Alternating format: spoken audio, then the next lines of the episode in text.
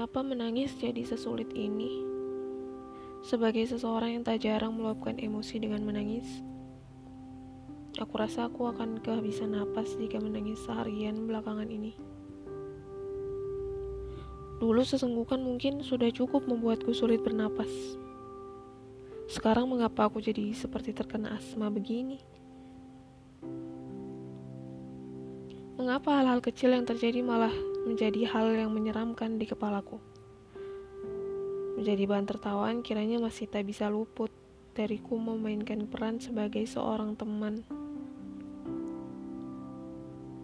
Dulu memang menyakitkan. Sekarang semua serba wajar, serba bercanda. Kata maaf tak lagi mahal harganya. Perasaan menghargai kalah dengan perasaan gak enakan. Bagi manusia tipe yang kedua, kenyamanan mereka di atas segalanya. Lupa saat aku sedang berada di bawah, meminta dibahagiakan juga.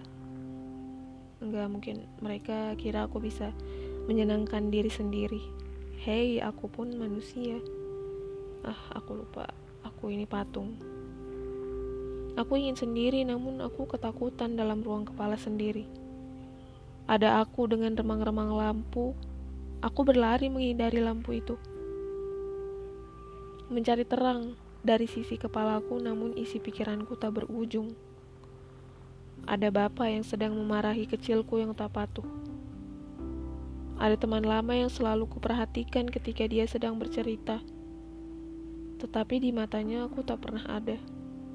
Buktinya ia tak tahu aku suka es krim. Tapi aku tahu dia suka kucing. Aku tahu dia tak suka ada mie kuning dalam baksonya. Aku tahu dia tidak suka soda. Aku tahu dia suka bermain lompat tali. Aku juga tahu dia tidak suka makan ikan. Aku tahu siapa laki-laki yang pernah membuatnya menangis. Aku tahu, tapi dia tidak. Ada wajahku yang sedang menahan sesak karena tiba-tiba Aku ditidakkanmu dari jam-jam yang seharusnya untukku.